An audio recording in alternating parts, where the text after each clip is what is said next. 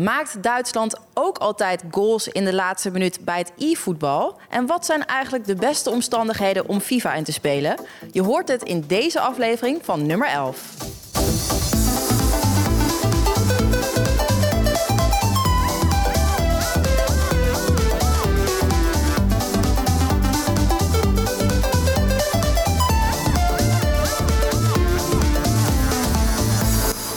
Welkom bij de tweede aflevering van nummer 11, een reeks gesprekken over voetbalinnovatie.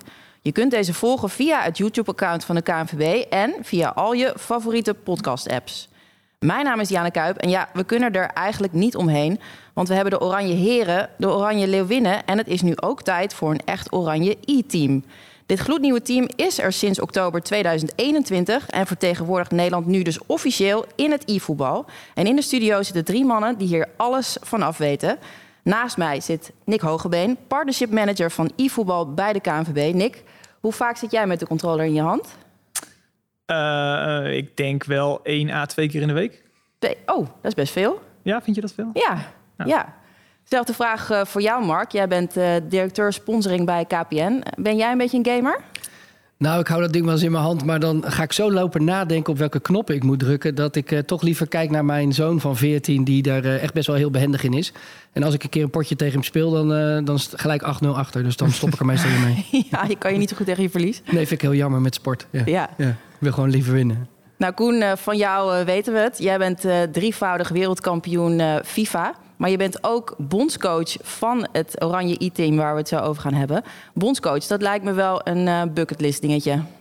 Een bucketlist ding? Nou ja, dat zijn van die dingen waarvan je nooit denkt dat het, dat het gaat gebeuren. Maar inderdaad, ja, ik, ik zou het eerder willen definiëren als een soort verbindende rol tussen de bond en, uh, en de allerbeste FIFA-spelers van Nederland. En ja, daar moet je een, een stempel op plakken wat een beetje lading uh, heeft. Dus inderdaad, dan, dan krijg je zo'n titel. Maar wel uh, heel bijzonder, dat Ja, zeker. wat ben je bescheiden, joh. Ik zou, als ik iemand mij bondscoach zou noemen... zou ik daar meteen uh, heel tof mee doen. Nou ja, ik ben er ook wel trots op. En ik vind het heel leuk. En ik, ik, ik vind het heel, heel mooi dat we als, als Nederland ook voorop lopen in dit soort dingen. Dus ik ben er zeker heel trots op. Alleen, ja, ik wil er wel dat verhaal bij vertellen. Ik wil wel achter de komma vertellen hoe dat zit, inderdaad. Oké, okay, duidelijk. Uh, welkom allemaal en fijn dat jullie er zijn. In deze aflevering gaan we het dus hebben over alles wat te maken heeft met de wereld van e-sports. Want wanneer het spel voetbal op straat ophoudt, gaat het verder in de woonkamer achter de spelcomputer. Uh, even heel in het kort voor de mensen die nog niet zo bekend zijn met, uh, met e-sports. Wat is het, Koen Weiland? E-sports is voor mij um, het, het, professioneel spelen van een game. Dus op het moment dat jij um, niet meer casual op de bank één à twee avondjes in de week uh, uh, gewoon gamet voor je lol of voor je ontspanning uh, na je werk of na school, wat dan ook. Maar dat het echt je baan begint te worden. Je krijgt betaald. Je speelt toernooien waar, waar echt dingen te winnen vallen. Je verdedigt misschien wel de kleuren van een team of een land. Sponsoring komt erbij kijken. Ja, dan, dan bedrijf je e-sports. Dus dat is eigenlijk precies hetzelfde verschil als, als in de voetbalwereld tussen amateurvoetbal en, en profvoetbal. Ja, en wij gaan het vooral hebben over het e-voetbal. Nick, wat doet de KNVB nu met het e-voetbal? Uh, de KNVB doet op dit moment uh, heel veel. Er is heel veel in ontwikkeling. Nou, zoals je zelf al aangaf in je intro, zijn we een jaartje geleden begonnen met de eerste fase. En dat was het creëren van een nieuw uh, Nederlands vlaggenschip, I-Oranje. Uh, en met dat nieuwe merk eigenlijk en met dat nieuwe team proberen we uh, eigenlijk het, het e-voetbal en het, het gamen, het FIFA-spelen in Nederland wat meer mainstream te maken. Mhm. Mm -hmm. Dus dat aan de ene kant. En aan de andere kant willen we heel graag als KNVB die jonge doelgroep proberen te vangen op een bepaalde manier. En op een bepaalde manier met het voetbal in verbinding te laten komen. Ja, ja, want is dat, dat is de reden waarom uh, KNVB daar is ingestapt. Ja, in de, in de, dat is wel een van de hoofdredenen. Ja. Door echt, doordat we hebben gezien dat die jonge doelgroep, nou, met het echte voetbal, dat daar in leden uitstroom best wel wat gebeurt. Uh, om allerlei verschillende redenen, maar die doelgroep bespreken we 12, 24 jaar ongeveer. Ja, dat is gewoon uh, niet alleen voor de KNVB, maar ook volgens mij voor heel veel andere merken en bedrijven best wel een lastige doelgroep om te vangen. Ja. Um, en wij zagen daarin een trend dat gaming en e-sports een, een, uh, ja, een positieve flow daarin aanneemt. En uh, daar hebben we over nagedacht. Wat is daarvan de rol van de KNVB? wat kunnen we wel? Wat is daarin verstandig? En op dit moment denken we dat het verstandig is door daarin in te springen. En Ja. op een bepaalde manier die jongens aan de KNVB te verbinden. Maar snap je wel dat er mensen zijn die zeggen van... Hè, de KNVB staat toch voor beweging. Ehm, dit lijkt het tegenovergestelde. Gamen is toch heel statisch? Ja, klopt, klopt. Alleen ehm, het perspectief is veranderd. Dus waar je vroeger misschien had, is dat je online en offline eh, voetbal had, ziet eigenlijk die hele jonge doelgroep ziet het als een soort van inline movement. En heb je geen offline en, eh, en, en online verschil meer. Het is gewoon voetbal is voetbal. En of je dat nou op de, op, de, op, de, op de straat doet, of op het veld, of achter je console, ja, dat maakt niet meer uit. Nee? Dus ehm, ja, Ja, dat als, is de reden. ja, als ik aan mag vullen inderdaad. Ja. Het, is, het is meer zo dat, dat ze eigenlijk alle vormen van voetbal allemaal uitoefenen. Dus als jij nu eh, een jongen bent die van voetbal houdt, dan, dan doe je het allemaal. Snap je? Je speelt met je vrienden eh, op zaterdag en, en door de week op het veld. S'avonds speel je FIFA. En je kijkt ook nog voetbal tussendoor. Eh, er gebeurt zoveel op, op verschillende vlakken en verschillende manieren waarop je met voetbal bezig bent. Het is niet meer alleen het voetbal zelf. Je kunt nu gewoon veel meer en daar hoort dit nu ook bij. Ja. Maar ik, ben, ik ben coach van, eh, van het team van mijn zoon. En als je dan kijkt naar... De, hè, die gaan dan trainen door de week. Ze, ze gaan eh, op, op zaterdag een wedstrijd spelen. En dan uiteindelijk in de auto al zijn ze de eerste filmpjes weer aan het kijken over voetbal op YouTube of op 433 NL of whatever. Op dat soort pagina's. En dan komen ze thuis en dan gaan ze douchen en dan gaan ze gamen. Eh, en, en zo gaat dat elke keer door. Dus, dus het, het is precies wat de, wat de mannen zeggen. Je, eh, voetbal, ze leven echt voetbal. En of je nou met een console in je hand zit of op het veld bezig bent, eh, die combinatie maakt gewoon fit. Ja. Dus, dus ook, ook psychisch fit. Ja. Hoop je dan ook dat er misschien dus ehm, spelers die gamen, maar die, niet voetballen, dat- dat ze op die manier verliefd worden op het voetbal en dan op het veld terechtkomen? Dat zou heel mooi zijn. Ja, wij zullen nooit vanuit de KNVB intrinsiek gamen aanmoedigen om, om jongens inderdaad van het veld weg te houden en juist naar die console te trekken. Nee, het zou juist elkaar moeten versterken.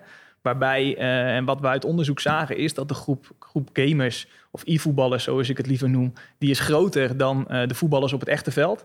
Dus daarin is nog een heel, hele grote groeimarkt te, te winnen eigenlijk Ja, aan, ja. aan, aan jonge jongens, maar ook meiden die dus wel voetbal spelen op de console, maar niet op het fysieke veld. Dus ja, daar zit een hele mooie connectie die we hopelijk kunnen maken hiermee. Snap ik. En eh, de KNVB heeft dus, zoals je net al vertelde, nu een echt eh, i-oranje team. Jij bent bondscoach, Koen.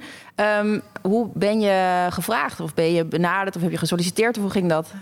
Nou, eigenlijk gaat zoiets best wel geleidelijk. Het was zo dat ik eh, zelf in 2016 ehm, bij Ajax onder contract kwam. Dat was toen echt de primeur eh, in Nederland. En alleen Wolfsburg was, was Ajax voorgegaan internationaal. Dat was de eerste club. En volgens mij Manchester City, ehm, die toen jongens onder contract namen. En na Ajax volgden heel snel andere clubs. De E-divisie kwam tot stand. De nationale competitie tussen alle clubs die ook in de Eredivisie spelen. En toen ja, kwam ik Nick een keertje tegen bij, eh, eh, bij een event. En ik zat al langer met dat idee van ja, eigenlijk zou de KNVB hier ook iets mee moeten. En eigenlijk is het pas urgent geworden. Het werd pas echt noodzakelijk toen ook de UEFA en de FIFA eigenlijk bij alle nationale bonden eh, letterlijk lieten weten van luister, die internationale toernooien op e-sports vlak met die game FIFA, die gaan alleen maar toenemen. Dus zorg als bond dat je dat goed voor elkaar hebt. En Ja. toen was het eigenlijk 1 en 1 is 2 van oké, we moeten nu inderdaad zorgen dat we dit goed organiseren. Want als we daar als Nederland dan aan meedoen, Nederland is een gigantisch voetballand. ehm, en, moet, en, en ook heel goed in FIFA altijd. Ja, dan moeten we zorgen dat we, dat we die jongens goed, goed eh, eh, helpen daarmee. Ja, En dat we het goed gaan doen. snap ik. En wat is jouw rol precies als bondscoach? Ja, nou wat ik zeg, ik denk, ik denk echt een verbindende rol tussen, tussen de bond en de spelers. Ik, ja, ik, ehm, ik speel zelf echt al. Tenminste, ik heb competitief gespeeld vanaf 2010. Ja, Toen begon net dat online gamen een beetje. Dan kon je net twee jaar of zo echt online FIFA spelen tegen iedereen op de wereld. Dus ik weet wel heel goed waar je als speler behoefte aan hebt. En ehm, zo kan ik denk ik bij beide kanten heel erg meedenken van oké, welke kant moeten we op, welke keuzes moeten we maken, wat hebben die jongens nog nodig of, of wat moeten we als bond willen. Ik denk dat dat eh, eigenlijk uiteindelijk de meest overkoepelende taak Ja, is. maar het is niet zo dat als er wedstrijden worden gespeeld, dat jij aan het coachen bent. Nee, dat, dat is inderdaad wel een verschil. Kijk, ik hoef de jongens sowieso niet te vertellen hoe ze dit spel moeten spelen. Nee? Bovendien zijn ze al met een team van de beste spelers op dit moment. En zij kunnen elkaar heel goed coachen. Het zit hem bijna nog meer dan in een stukje, een stukje mentaal vlak. Ehm, en zorgen dat we wel een, een team bij elkaar hebben van jongens die het elkaar ook gunnen en elkaar helpen. Dus Ja. daar, daar wel een beetje een managende rol in. Maar ik hoef ze niet te vertellen op welke knop ze moeten drukken. En, Nee, eh, nee, nee. Ik zou, wel- ik zou even willen toevoegen, want Koen heeft eh, wel een hele unieke rol als bondscoach, vind ik. Eh, ik denk dat er weinig bondscoaches zijn Die en een team motiveren en een team selecteren. En uiteindelijk op een dag dat er gespeeld wordt ook het commentaar op tv en eh, online doen. Dus eh, ik vind uh, Koen is inderdaad heel bescheiden. Maar hij, hij is echt een multitasker. En het is ook heel, hij, het, zijn enthousiasme helpt ook enorm, denk ik, in het populair, populairder maken van, van e-sports. Ja, ja, ja, goed dat je dit aanvult, Mark. Ja. En um, heb jij niet dat je je handen af en toe jeuken? Want jij bent natuurlijk zo goed dat als er dan daar gespeeld wordt, dat je denkt: geef mij die console even en laat mij het even doen. Enerzijds wel. Maar ik moet wel zeggen, uh, vergis je niet in hoeveel beter die jongens nu al zijn dan ik. En dat is eigenlijk al, al best wel wat jaren aan de gang. ik ben 29 en je... Best uh, beter dan jij? Ja, veel. Kijk, dat, dat zou ook niet goed zijn als een 29-jarige nog steeds beter zou zijn dan de, de 15, 16, 17-jarige jongens die hier hun topprioriteit van hebben gemaakt. Dat, het zou niet goed zijn. Ik doe veel te veel ik vind dat moeilijk om te begrijpen, omdat je het hebt over een leeftijd, maar je zit toch stil, zeg maar. Dus het, je wordt toch steeds beter naarmate ja, je ouder wordt. Wat het, sowieso komt er elk jaar een nieuwe game uit, met toch weer andere details. Oké.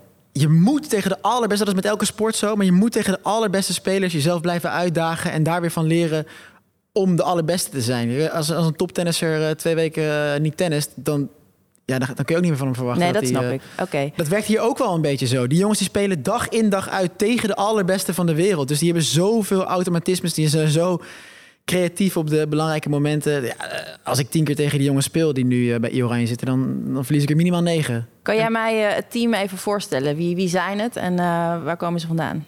Ja, we hebben nu drie jongens mm -hmm. voor, voor de aankomende interlandperiode eigenlijk. Het is niet zo dat die jongens nou uh, minimaal een jaar of twee jaar uh, voor Oranje uitkomen. Vorig jaar hadden we Levi, Levi en Ali. Daarmee gingen we naar het WK. dat WK werd gecanceld. Nu hebben we Nick den Hamer van FC Groningen. speelt al best wel wat jaren in de top van, van de Nederlandse competitie ook. Dani Visser, die zit bij Team Gullit en komt uit voor AZ in de, in de nationale competitie. Ook een keer de E-divisie gewonnen. Heel knap, op heel jonge leeftijd. En we hebben Colin Dekkers, die eigenlijk, dat is denk ik de jongste van de drie zelfs. Die, Hoe jong hebben we het over? Uh, hij is uh, 18, 19. Durf je niet exact te zeggen. Maar, Oudste is 22. Oh ja. Ja. ja. ja. Colin Dekkers die komt voor Feyenoord uit. Dus uh, ja, gemeleerd gezelschap. Drie jongens. Ja, op dit, ja, we mogen maar drie jongens uh, meenemen naar dit soort officiële events. Oké, okay, dus dat, uh, is dat, zijn er dan verschillende uh, teams met meerdere jongens? Of is dat gewoon per land, heeft iedereen maar twee jongens? Ja, drie dus. Ja, drie. Ja, drie. Ja. Maar inderdaad, we spelen uh, continu twee tegen twee. Ja, je speelt twee, twee ja, tegen twee. Klopt, ja. dat, dat, dat klopt. Dus er zit er dan uh, altijd eentje naast. Je zit toe te kijken. Dat, dat zijn niet dingen die wij hebben bedacht. Dat komt echt vanuit, uh, vanuit de FIFA, vanuit de ontwikkelaars van de game en deze toernooien. Maar die is gewoon wissel, of wat doet hij daar? Ja, ja, je moet je voorstellen, we zitten met acht landen in een, in een groep. Um, en ja, het kan altijd zijn dat je, dat je gaat roleren. Dat als het, als het gewoon echt niet loopt of iemand uh, ja, zit er doorheen of kan de druk niet aan, ik zeg maar wat, dat je inderdaad oh, ja. die ander daar neerzet. Ja. ja. dat soort dingen gebeuren hier ook. Sure, ja. ja. Wat handig. Ja. Oké. Okay.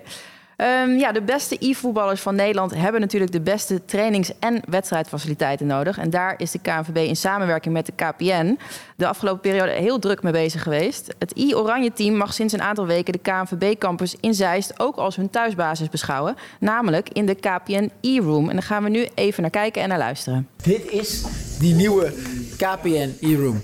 Dus de Dani Visser, Colin Dekkers. Ja, jongens, wat een ja. pareltje is dit zeg. Kijk dan hoe deze ruimte eruit ziet. Ja, voor degenen die dit niet konden zien. Um, Nick, wat, wat zagen we hier precies? Ja, we zagen een, een, een kleine indruk van hoe de KPN e-room op dit moment is.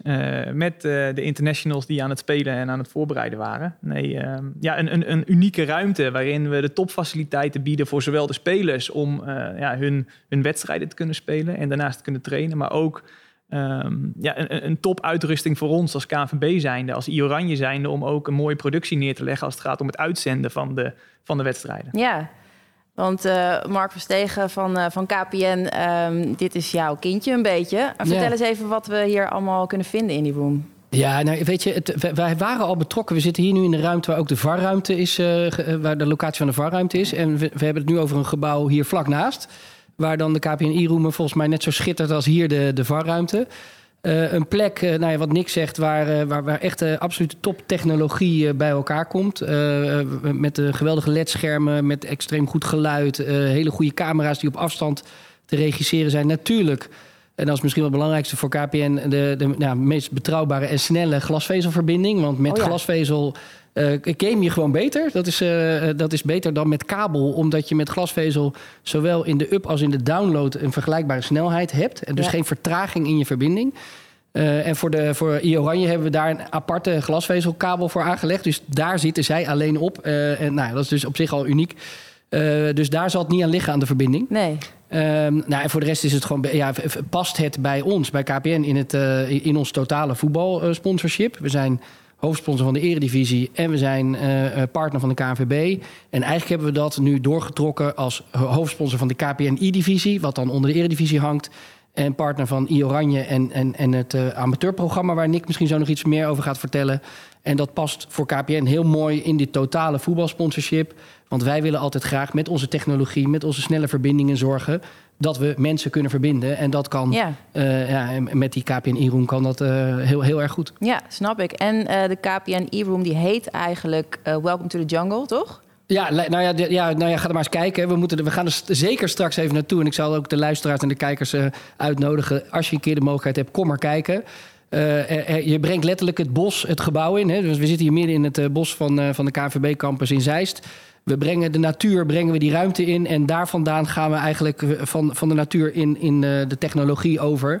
Eh, er is een zes meter breed ledscherm waar letterlijk de leeuwen overheen lopen. Oh, waar je alles op kunt link. projecteren. Ja. Waar, waar Koen, ik zou maar zeggen, wedstrijden kan analyseren met zijn spelers. Maar waar je ook gewoon dagen kunt organiseren om zelf bij, bijeenkomsten te houden onder de regie van, van nummer 11 hier. Eh, dus ja, als je het hebt over innovatie in sport, dan is dat een plek waar het gebeurt. Ja. Koen, hoe belangrijk is zo'n plek eh, om te hebben voor, voor spelers? Heel belangrijk. Eigenlijk precies eh, om de redenen die, die al genoemd zijn. eh, dat die jongens zonder, eh, zonder afleiding en zonder gedachtes... dat er dingen niet goed geregeld zijn, daar kunnen spelen. Ja. En wat Nick ook aangaf, je wil gewoon om dit, dit goed neer te zetten en om het goed te tonen aan het, eh, het publiek en dit allemaal nog populairder te laten worden, wil je gewoon een topproductie draaien. En nu was het elke keer een beetje behelp met tijdelijke ruimtes. Kijk, ja, want hoe doe je eh, dat dan? Hoe deden jullie dat voordat de e-room er was? Ja, dan, dan werd er elke keer eh, een tijdelijke ruimte opgetuigd ergens in een ruimte die er eigenlijk niet voor bedoeld was. ja. Iedereen kwaad? Nou ja, nee, we zaten op het eh, trainingscentrum. Daarnaast hadden we gewoon, ja, dan had je gewoon de huur. Tenminste, je betaalde per dat we een organisatie hadden, een evenement hadden en een productie hadden. Ja, betaalde je gewoon per eh, moment betaalde je de, de fee aan de campus om daar te mogen spelen, maar ook om het te mogen livestreamen. Dus die kwamen, de partijen met wie we dat samen doen, die kwamen iedere keer kwamen ze alles optuigen en weer afbreken. En, Oh ja. ja, het is gewoon heel efficiënt eh, en logisch ook dat wij nu als I-Oranje, net als alle andere vlaggenschepen, hier gewoon in Zeist trainen en spelen. Ja, maar hij is dus gloedje nieuw. Dus jullie hebben nog niet echt vaak kunnen spelen erin, of, of, of wel? Nee, nog niet. Ja, wanneer hebben we hem geopend? Eh, een maandje geleden. Ja. Eén keer, één keer tegen Noorwegen. En ehm, is het eh, ook eh, voor een publiek sport? Kan je ook eh, Ja. kijken? Ja, we hebben, dat is wel leuk. We hebben beperkte mogelijkheid om gasten uit te nodigen om te komen kijken. En, eh, bu- buiten de e-room is een plek waar ook zo'n groot ledscherm is gebouwd. Waar, waar we letterlijk een soort nou ja, tribunetje kunnen maken of een aantal plekken waar mm, ja, iets van 50 gasten letterlijk naar die Oh. interlands kunnen komen kijken. Dus Ja. dan gaan we ook zorgen dat als het allemaal weer mag, want we zitten natuurlijk met allerlei beperkingen op dit moment Ja. vanwege corona. Maar dan kunnen we natuurlijk heel gericht kunnen we daar mensen gaan uitnodigen om te komen kijken naar eh, de prestaties van het team van Koen. Dat is natuurlijk wel echt leuk. Ja, voor jullie is eh e-voetbal natuurlijk gesneden koek, maar voor veel mensen is dit nog onbekend terrein. Zo ook voor assistent scheidsrechter Franka Overtoom. Zij heeft een vraag voor jullie. Hoi heren, mijn naam is Franka Overtoom. Jullie kennen me misschien wel als assistent scheidsrechter eh, in de Eredivisie. Ik heb eh, twee vragen voor jullie. Vraag 1. Hoe is de spelverdeling in e-voetbal? En 2. Wordt er ook gebruik gemaakt van de VAR? Koen, eh, hier ben ik ook benieuwd naar. Vraag 1 eerst, spelverdeling. Ja, hoe, hoe bedoelt u die vraag precies? Hoe is de spelverdeling? Ehm, ik denk hoe, wie eh 4-4-3, bijvoorbeeld voorhoede. 4-4-2. Ja. Nee, maar je bent maar met twee. Wie, wie, doet, de, wie doet de aanval? Ja, Wie op die manier. Oké, tussen die twee jongens. Nou ja, het, het gaat gewoon om een heel goede ehm, communicatie onderling eigenlijk. Kijk, dat is net als een beetje met tennis. Je kunt eh, de twee beste individuen bij elkaar zetten, maar dat is geen garantie dat dat een goed duo vormt samen. Nee. Al die jongens hebben een eigen speelstijl. De een speelt inderdaad 4-1-2-1-2 small, de ander speelt 4-3-3, de ander speelt 3-5-2. Dus ja, die jongens die zullen eh, met elkaar heel goed moeten gaan praten van wat, wat verwachten we. Net als in het veld. Daar is het met elf man, eh, met voetbal. Maar ja, hier ook. Van wat, wat is ons doel? Wat is ons plan? Hoe gaan we aanvallen? Hoe komen we tot onze kansen? Wat doen we met verdedigen? Ja, Dus dat doen ze gewoon echt samen. Het is, het is niet heel erg zo dat de een een andere rol heeft dan, dan de ander. nee. Misschien daarop op toevoegend wel en vanuit andere beredenatie van de spelverdeling is hoe het werkt bij een interland. Dat is ook misschien wel goed voor de perceptie. Het is niet dat wij een eh, één wedstrijd spelen op een wedstrijddag. Nee. je, Een interland, een e-friendly bijvoorbeeld tegen Noorwegen, dat zijn altijd nou, ja, minimaal eh, vier wedstrijden tot maximaal soms wel acht wedstrijden. Oh Dat is ja. net hoe, je dat, eh, hoe, hoe die organisatie dus zit. En zometeen bij de FIFA Play-ins die we gaan spelen, eh, nou ja, in januari, maar ook zometeen al. Ik weet niet wanneer dit wordt uitgezonden, maar Snel. snel. Maar in ieder geval, we spelen binnenkort FIFA Play-ins. En daar spelen we dus eh, in twee dagen spelen we eigenlijk eh, acht interlands. Oh, dus ja, wow. dat zijn, dus dat is een hele En andere. die duren ook niet echt van 90 spelen. minuten. hè? Nee, die zijn dat korter. neem ik al aan. Ja, het te nee, het is ongeveer 20 tot 25 minuten per wedstrijd. Maar die speel je dan twee keer. Je hebt een heen- en een uitwedstrijd. En dat is dan één land. Dus je moet minimaal een uur uittrekken voor één interland. En dan eh, ja, spelen we er dus donderdag en vrijdag spelen we er eh, nou ja, dus, dus vier en, en, en drie. Dus zo zit, zitten die Ja, evenementen ja. een beetje in elkaar. Ja. We- weet je wat ook leuk is waar we mee bezig zijn? Dat is om een Pro-M-team samen te gaan stellen. Of een Pro-M-evenement waarbij je spelers uit de eredivisie... die spelen natuurlijk ook allemaal FIFA. Er zijn Mhm. hele goede eredivisie voetballers... die ook heel goed FIFA kunnen spelen. Noem maar eens een paar. Nou ja, nou, ik weet, ik weet bijvoorbeeld van Guus Stil, die Kutsu eh, van Feyenoord. Nou, jij kent er vast nog wel een paar opnoemen die echt goed zijn. Volgens mij ook de Licht, weet je, wa- was volgens mij ook een... eh, er, zijn, er zijn heel veel, eh, die jongens spelen het eigenlijk allemaal. Dus als je nou, zou ik maar zeggen, I-Oranje spelers samenbrengt met, met die echte voetballers... en die laat je ook in teams tegen elkaar spelen... dan, dan verbind je die doelgroepen nog meer aan elkaar. En Ja. dat willen we ook vanuit de E-room gaan, eh, gaan uitzenden. Dit klinkt top. Eh, ja, en dan heb je zo gewoon een hele dag die gasten binnen... en die gaan dan tegen elkaar allemaal eh, challenges spelen. Dat is natuurlijk alleen maar leuk. Superleuk. Ja. Ja. We gaan nog even terug naar vraag 2 van Franka. Ja, Eh, heel goed. de VAR. Oh ja. Ja, goeie. Hoe zit dat, Koen? Ja, het is natuurlijk een videogame, dus in principe is die hele game één grote VAR. Het is Ja. niet zo dat, dat eh, de beslissing van een scheidsrechter daar een menselijke beslissing is... waar dan nog naar gekeken moet worden. Maar want eh, ik, stel dat iemand eh, doet een overtreding, dan Ja. zegt die game vanzelf al van dit mag niet. Ja, precies. Dus je weet eigenlijk als speler ook al vrijwel gelijk... op het moment dat het contact zichtbaar is... weet je eigenlijk zelf ook al wel of het, of het een overtreding gaat zijn of niet. Ja, Maar ook snap. daar zit er wel weer een tweedeling in. Want je hebt inderdaad de game, waar gewoon een virtuele scheidsrechter actief is. Maar op evenementen en toernooien die wij spelen, zit er altijd ook een stukje moderatie, wat je ook als scheidsrechter kunt zien. Ja, Dus dat zijn gewoon de evenementhost en de scheidsrechters die daar staan. Dat stel er wordt. Wat wel eens kan gebeuren, is dat iemand zo gefrustreerd is dat hij uit reactie de, de game gewoon quit en lieft. Ja. Ja, Oh, wat, wat gebeurt er dan? Dan is de wedstrijd afgelopen. Ja. Ja. daar moet wel bepaalde regels voor zijn en iemand die daarop toeziet. Dus je hebt bij evenementen wel nou ja, moderators en Ja, dat gewoon klopt. eh, ja. arbitrage. Dat die, dat die controllers door de ruimte vliegen. Nou ja, dat, ja. mag dat? nee. Niet gooien met je controle. Nee, nee, nee. Oké.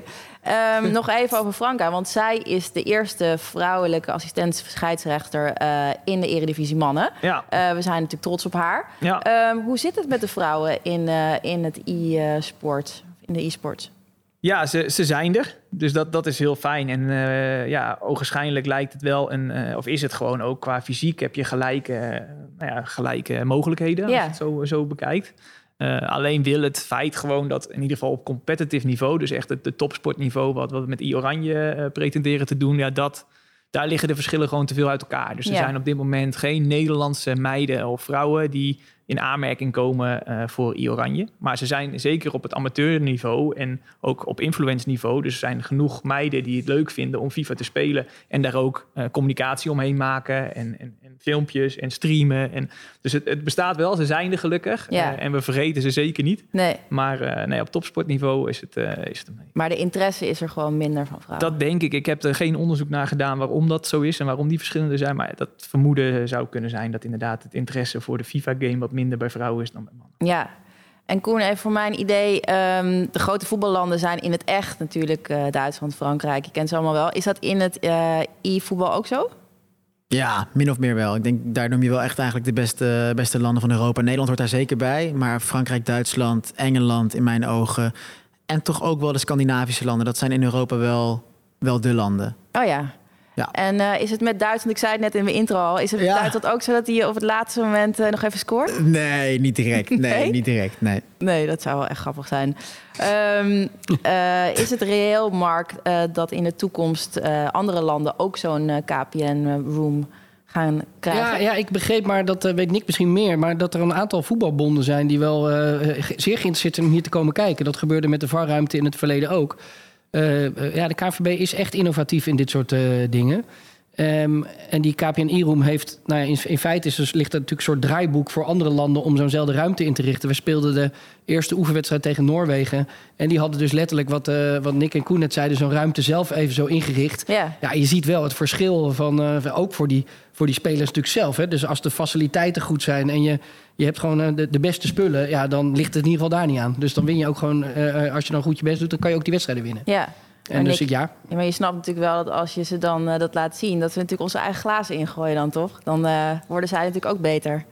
Ja, ja, misschien wel. Maar ja, het, het gaat wat dat betreft. En zo, zover zijn we eh, ja, nog niet in, in e-voetbal als gewoon het brede begrip. Weet je, wat dat betreft mag de, de game, wat ik in het begin zei, en het spelen ervan en het op topsportniveau bedrijven, wat mij betreft wel wat meer mainstream worden. En eh, zijn we er nu nog allemaal om elkaar juist niet eh, de Precies. tent uit te vechten, maar juist met elkaar te proberen Ja. te zorgen dat het echt een, een product wordt wat we als voetbal zijn en voetballandschap gaan omarmen. Snap ik. Dit zegt gewoon vooral wat over mij dat ik dit zeg eigenlijk.